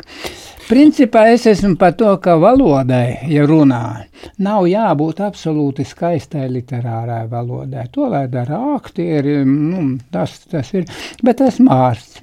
Gan man ir kādreiz ar aktieru sauc, vai, bet es esmu tomēr ārsts. Un, lūk, ārstam vai zinātniekam vai inženierim ir tiesības savu valodu, latviešu valodu arī drusciņi nerunāt tik absolūti tīru. Es esmu par latviešu valodu. Latviešu valoda jārunā, jāapmācās un piesārņot ar svešiem vārdiem nav vajadzīgs. Tur valodniekiem taisnība, lai viņi pa savu cīnās. Bet, ka ja kādu vārdiņu iemet kaut kādu stulbu nepareizu greizu, izrādās tas atzīvina sarunu, para, doma tiek uztverta labāk. Bet, profesori, par latviešu valodu runājot, lai nu kuram jums tā ir ļoti krāšņa, jūs pirms brīža minējāt arī par saviem dzīves moto, un šķiet viens no jūsu dzīves moto ir arī pārmērīgi sevi neierobežot, un jūs uz to esat mudinājis arī radio klausītājus. Lai skan vēl viens fragments no Latvijas radio arhīvā, tas būs uh, raidījums, kurš skanēja Latvijas radio 2000, nu jau tālajā otrajā gadā. Vai dievi. Raidījuma autore Zana Lāca Baltāksne, un raidījuma nosaukums bija Sirdsmiera recepte. Tas skanēja pirms Ziemassvētkiem. Un, lūk, kāds bija pirms nu jau vairāk nekā 20 gadiem jūsu vēlējums Ziemassvētku laikā Latvijas radio klausītājiem. Mūsu dzīvē viena no recepšu izrakstītājiem ir ārsti. Ja atminaties pirmo sirdsmieru recepti, stāstīja kardiologs profesors Romāns Lācis. Bet tā kā medicīnā nozara ir daudz, šoreiz ieklausīsimies doktorī Anatolijā Danilānā. Viņš ir profesors gastroenteroloģijā, atzīts iekšķīgo slimību speciālists, daudz publikāciju autors un vēl vairāku titulu īpašnieks. Bet viņu satiekot, šie svarīgie amati it kā atkāpjas, jo pretī nāk baltais tēvs kā no pasakām ar labām beigām. Un viņš stāsta recepti ar virsrakstu atļaušanās, par uzdrīkstēšanos, par maz bet īstiem draugiem, par dzīves izgaršošanu tajos brīžos, kad pieņemts teikt, to nedrīkst. Es sev novēlu, lai man būtu maz draugu, bet lai tādi draugi, kas es zinu, ka tas ir draugs. Es novēlu sev, lai man ir arī tādi draugi, kurus es neredzu ikdienā, bet es zinu, ka man tāds draugs ir. Jūtu, ka es varbūt viņu gadiem neredzēšu. Es zinu, ka man viņš ir, un man ļoti, ļoti kādreiz gribēsies viņu redzēt. Es viņu redzēt varēšu arī kaut vai trijos naktī, Ziemassvētkos vai citā dienā pats sev novēlu pasākt to, ko es ilgu laiku esmu atlicis. Briesmīgi laba sajūta paliek. Tāpēc es arī daudziem citiem to novēlētu. Ja kas ir kāds darbiņš nepatīkams vai kaut ko negribējās iesākt, vai tas varbūt arī bail bija kaut ko darīt, izšķirties. Un vēl ko es zinu, ko es gribu, man ļoti gribās. Vien vairāk paliek prātā Ziemassvētkiem, atcerieties tādu lietu kā tradīcijas. Es vēl domāju, ka mums ir vēl viena nelaime. Mums ir nelaime Latvijas iedzīvotājiem. Varbūt tas arī citās pasaules malās ir, bet Latvijas iedzīvotājiem lielā daļa vēl tā nelēma, kas skatās uz sevi no malas ar domu, vai tā drīkst, un vēl rūpīgi vēro citu. Šausmas, kāda viņa bija, viņai briesmīgi liels dekoltē.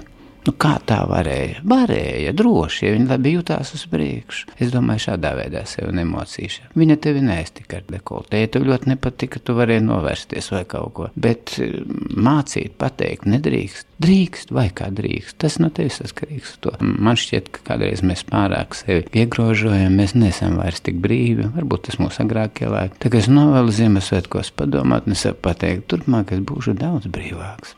Jūsu vēlējums uh, Latvijas radio klausītājiem pirms 20 gadiem bija būt daudz brīvākiem. Ziniet, es jums tādu lielu pārsteigumu pateikšu. Viņš nav mainījies. Dīvainā kārtā es to pašu pateiktu. Esiet daudz brīvāki.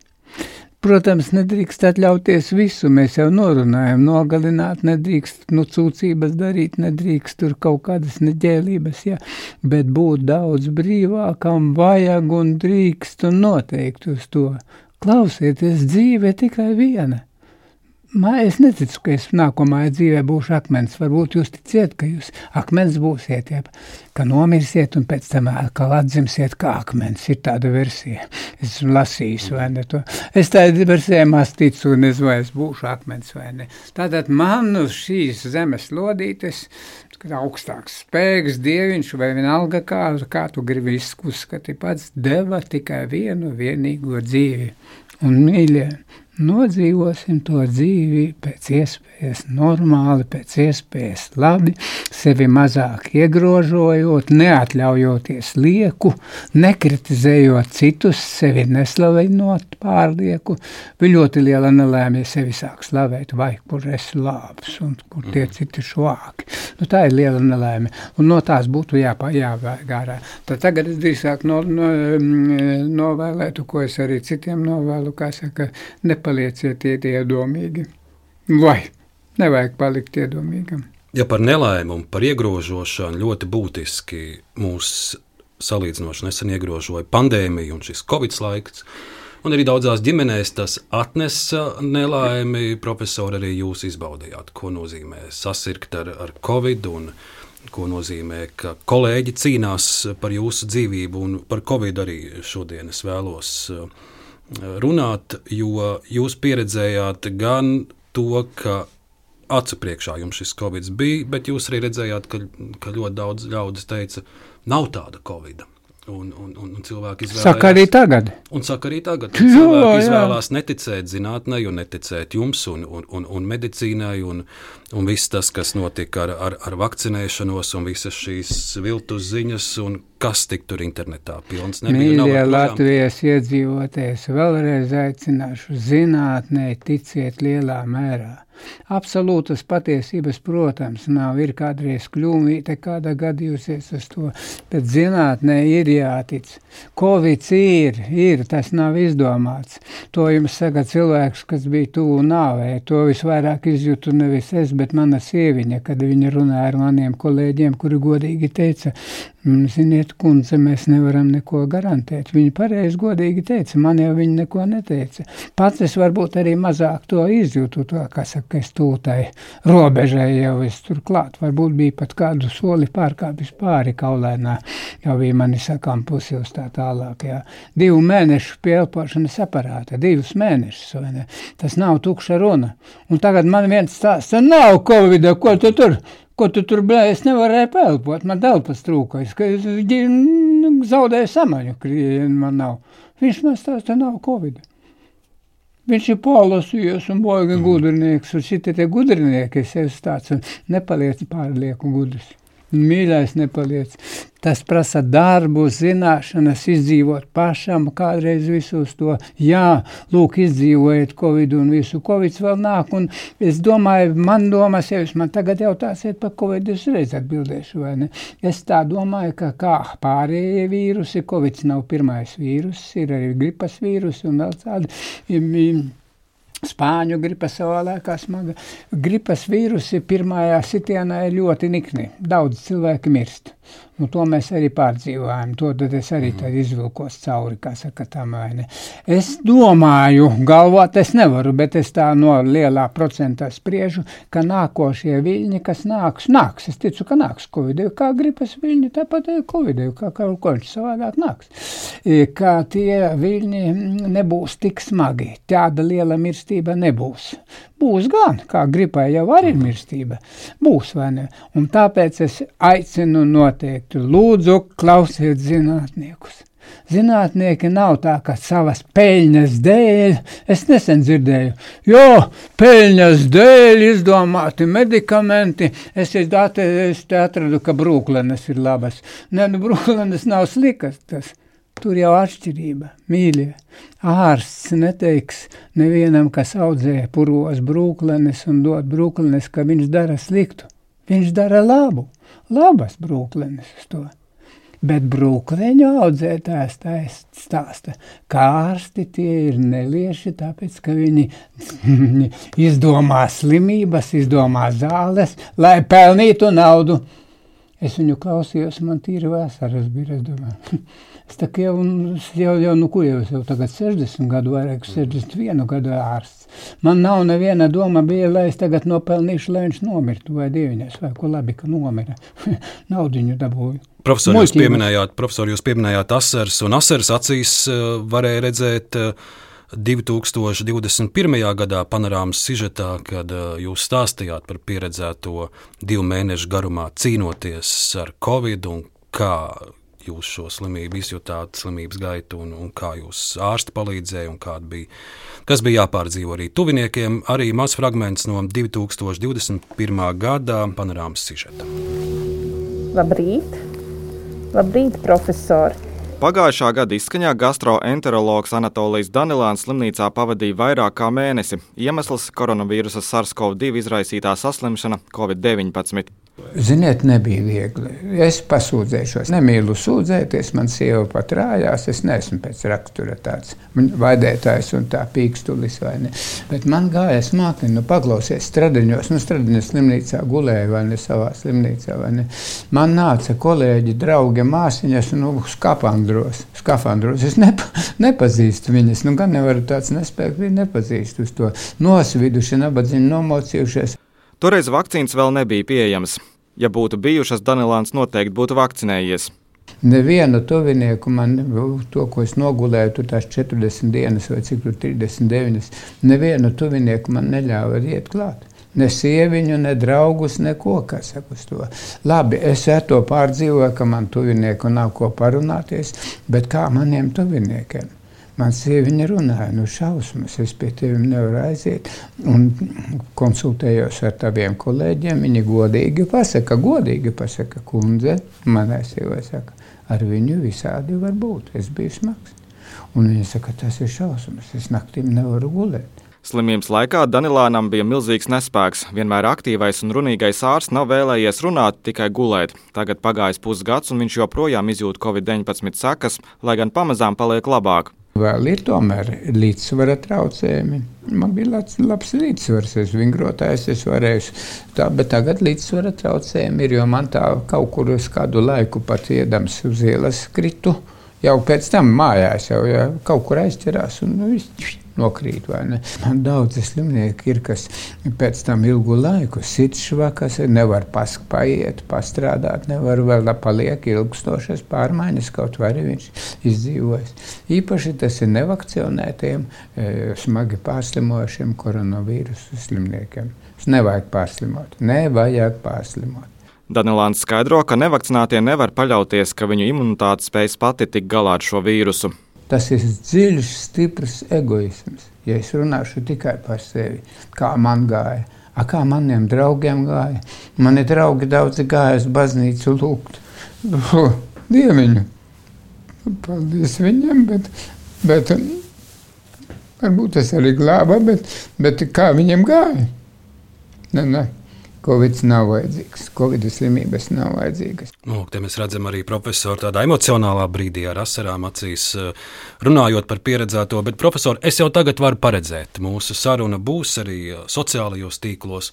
Jā. Un es jau tagad varu paredzēt, kādi tur būs apakšā komentāri pēc jūsu teiktā par, par Covid un vakcinēšanos, ka ka nu, viņš taču laikam ir sazāļots, viņš laikam uh, tur kaut kādas lielas farmāciju apmaksāts. Nu, tie komentāri tur nu, jau ir diezgan paredzami, ko, ko, ko šie ļaudis, kuri netic zinātnē, ko viņi, ko viņi raksta. Bet tas jau bijis gadu simtiņiem ilgi. Vakcīnām ja Anglijā bija pat noga, ģeneris tika nogalināts vakcīnas izdomātājs, izgudrotais zinātnieks tika nogalināts. Kas tagad var sacīt viņa darba dēļ, viņa nopelnu dēļ, glābti miljoniem cilvēku. Glābti vakcīna glābi. Protams, vakcīna kā katrs medikaments, kā jebkurš medikaments, dod arī blakus nejaukas parādības, var gadīties uz to, bet tas nevar salīdzināt pašu to slimību ar vakcīnas izraisītām blakus parādībām. Un ir gudrinieki, kas paskatās, jā, viņš jau pats izdomājis Šitie te, kas stāsta, ka Daņilāns te visu prāto, visu, viņš jau man īsti nav dzirdējis, viņš vienkārši izdomājis, cik viņš ir gudrs, tas ir, cik tas stāstītājs ir gudrs. Es esmu tik gudrs un zinu, ka Daņilāns ir muļķis, viņš savā sazāļots un viņš grib, uh, uh, propo, kā saka, propagandēt vakcīnu lietošanu, lai sūktu no mums naudu, naudu. Es to zinu. No kā viņš zina? Viņš es to pasēdēju, padomāju, un ļoti gudrs būdams izdomāju. Vēl Jūs dzirdiet, ka es tagad ņirgāju? Es, protams, dzirdu, es, protams, ņirgāju. Bet vēl jau bija arī tādi komentāri, nu gan jau tam Danelānam nekāds Covid nebija. Ko var gribēt 80 gadi un vienkārši jā, vecums? Jā, un, jā, jā, man tagad vēl vairāk, jā. man ir 81 un Covid nav, bet, bet principā tur šaubu nav, ka bija, un bija, jā, viss bija jau tādā, tādā, un tagad esmu vakcinējies un iešu arī vakcinēties. Klausieties, visi iešu vakcinēties, atkal, jā, lai arī izgājis, man laikam kaut kāda imunitāte ir, specifiska imunitāte varbūt palikušas ir, bet noteikti jā. Un jums ir pilnīgi vienalga, kādus niknus komentārus kāds tur ieraksta. Nu, bet paklausieties, viņš jau ieraksta eh, savas, savas pārdomas. Es tā pasēdēju, padomāju un izdomāju, ko tu muļķi izdomāji. Zinā, es esmu 13 vai vairāk pat gadus veltījis eh, medicīnai. Jā, studējis, mācījies, kursos gājis, pats mācījies, man skolotāji pasniedzēji bijuši ļoti daudz uz to visu. Viņu, viņu zināšanas esmu zadzis un paņēmis un bezkaunīgi pievācis, nu, bet tas nav bezkaunīgi, tas ir ļoti labi, ka es viņus paņēmis esmu. Bet tagad viņš pasēdēja un izdomāja, man smieklināja, ko tu mīļais tādu var smagu lietu, es arī visu nezinu medicīnu, vai ne. Viņš pasēdēja, izdomāja, ka Covid nav bijis. Par Covid beidzot, ko šis viss pandēmijas laiks uh, parādīja gan par mūsu medicīnu, par mūsu mediķiem, un arī par mūsu sabiedrību un mūsu cilvēkiem parādīja negatīvās daļas arī. Parādīja arī pozitīvās. Starp citu, es jums atkal parādīšu, ka, ka Latvijā ar covidu mirstība nebija tā lielākā pasaulē. Varenajā Amerikas Savienotajā valstī mira vēl vairāk cilvēku. Nu, viņi ir lielāka zeme arī, bet arī procentuāli mira vairāk, kā saka uz to. Ja. Tā kā, ja. Bet tomēr, jā. Lūdzu, mīļie Latvijas iedzīvotāji, tad, kad ārsti saka, pandēmijas laikā, ja kāds vēl nāks tur tā, kā saka, tad jāievēro. Nav ko lādēties. Kuram patīk, nu nepatīk, varētu, kā saka, uz to izdomāt, varbūt savādāk uz to, ka tur nesatiekos ar draugiem un ne, nevar savu alus gālu lāzi iedzēt kopā, vai ne? Nu, nepatīk, jā, jā, papļāpāt ar gudrām domām. Bet, ja tas jādara, tad tas jādara. To zinātne pierādījusi, jo daudzi cilvēki tiks izglābti. Es atkārtošos, ko jau sacīju. Nav mīļais runa tikai par tevi. Es vēl vakar dzirdēju, es gadiem neesmu ar vīrusu slimojis. Paklau muļķi, es viņu sādāk nevaru nosaukt. Tu neesi slimojis, man tevi ne, ne, ne, maz tas arī interesē, jau tu tāds lepnis un negribi, nu labi, žēl jau arī, ja tu saslimtu. Bet saslims tikai no slima cilvēka. Danilāns dabūja no slima cilvēka. Viņš man varēja bļaustīties, bet es no viņas esmu. Nav tā, ka Covid atnāca no vesela cilvēka. Ja tur diezgan daudz runāja, ka Covid tur uz galda vai ne tur guļ, un es tur pagramstos, un re, Covid nolaizīju, vai ne. Nu, varētu būt kāda nelielā procentē, bet pamatā klepos, šķaudīšana, klepošana, viss slims cilvēka elpa, viss gāja tas, iet kūlis virsū vīrusa vai ne, un cilvēks inficējas ar vīrusu. No slimā cilvēka tā tad nevis, ka es nesaslimšu, Bet tu padomā, vai tu citus nesaslimdināsi? Lūdzu, to tu padomā. Un par to bieži, Padomā par, par to to daudzi neaizdomājas. Bet nevis daudzi neaizdomājas, neaizdomājas. Patiešām daudzi, pie, paldies, piedošana, bet to, to paši. Un vēl profesori izskaņā viens jautājums.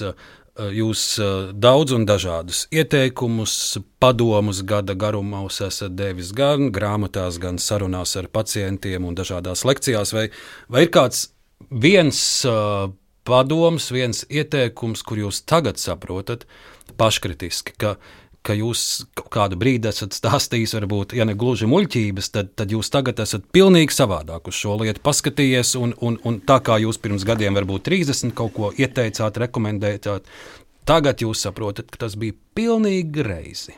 Ziniet, es esmu laimīgs, ka medicīna mainās. Viss, kas ir progresīvs, kas ir, tas ir mainās ja sāksies brīdis, kad medicīna stāvēs uz vietas un vairs nemainīsies, tad tas jau būs ļoti ļauns mirklis. Es domāju, ka tāds mirklis neies, neiestāsies. Ticu. Ticu tam, ka tāda brīža nebūs. Bet ir prātā tāda viena lieta, ko jūs agrāk skaidrojāt, piemēram, agrāk teica, ka nedrīkst treknu pienu jā, dzert. Jā, jā, treknu pienu. Bija pat moments, ka gaļu nedrīkst, ka gaļa ir ļoti laba lieta, vai ne, protams, ar mēru, vai ne, tur pārrīties speķi tā, ka vēmiens nāk, tas vairs neder, vai ne, tad nevienam, kā saka, tas viss jādara prātīgi un tā tālāk, bet pārmērīgi ierobežojumi ir slikti. Es kādreiz pārāk strikti ierobežoju, man drusciņ kauns. Es sprēļos strādādams teicu, jūs lūdzu ēdīsiet četras reizes dienā, astoņos, divpadsmitos, četrus, astoņos. Un starp ēdienu reizēm dieva dēļ neko nepaņemiet mutē, nekādu, kādu pati šķidrumu nedzēra cilvēku baidīdamies. Dāņulāns pieteica četreiz dienā, ja. Ziniet, palīdzēja, nu es noteicu, ka tur palīdzēja uz to, vai ne, bet tas jau bija muļķība. Muļķība. Toreiz tā zinātne domāja. Zinātne attīstījās. Tad bija zinātnes brīdis, ka tāda kārtība ir ļoti svarīga. Paklausties, kārtība svarīga arī tagad. Es nesaku, vajag tur, kā, kā gribi tur kā visu ko darīt uz to. Vai. Bet principā es vēlreiz atkārtošu, ko jau es sacīju daudz kārt. Ja ļoti gribās ēst naktī, paiet naktī. Man dažs pacients sūdzās, vai dievinies, profesori, es ēdu naktī. Es saku, jūs pēc tam aizmiegat. Man daudzi pacienti pateicīgi. Es saku, nu tad ēdiet. Un kā ar to, kā? Kā ar to kafiju ar balzāmiņu jumtiņu? Nu, nu, kāda vaina? Redziet, tāda redz, cilvēki dalās divās lielās šī aspektā grupās. Ir cilvēki, kas var kļūt alkoholiķi. Es varu kļūt alkoholiķis, es zinu, man tāds raksturs, varu nocerties. Vienu brīdi jūtu, ka rakstīju disertāciju, ka jau pa daudz aiziet tā lieta, vai ne? Es uzliku punkts, nav cauru, nedzeru, es vispār tagad nedzeru, nemaz nebija neko. Sieva dzer un kas var dzert tā, bet ir, kas to var darīt, vai ne, uz tā tālāk.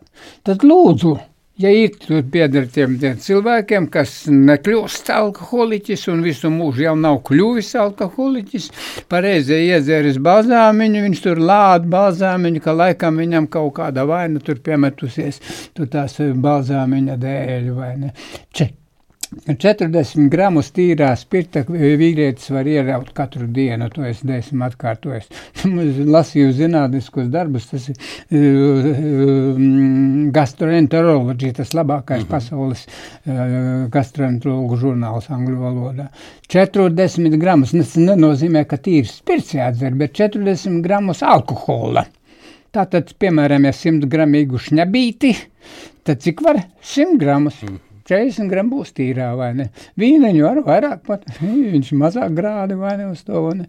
Sievietei sliktāk, jā, manas meitenes, jums ir sliktāk, jums tikai 30 gramus drīkst, tas jau ir pa daudz, ja vairāk iet. Redz, tur jau tā nelēma, ka alkohols un narkotika.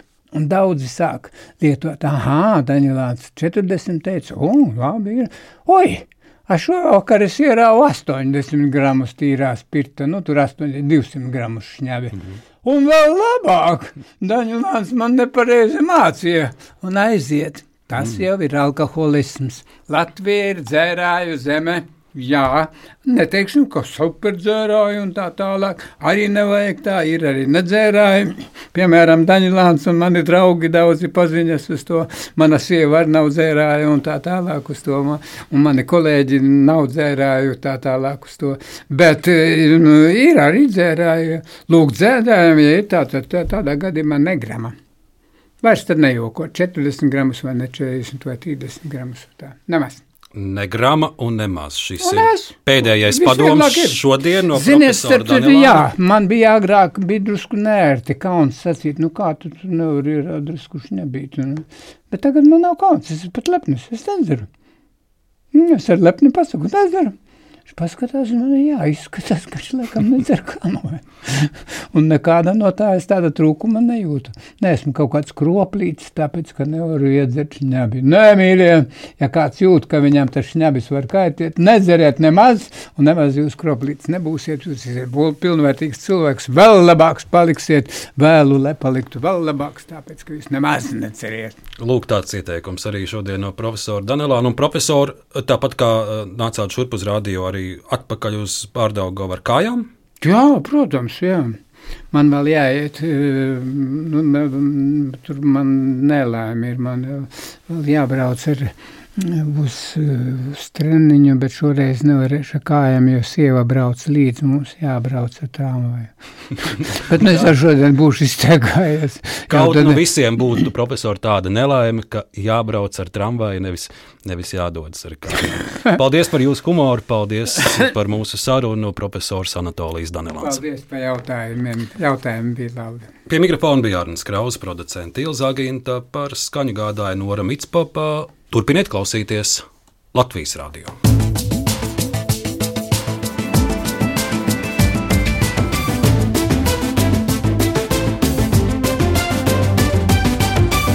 Laikmeta krustpunktā.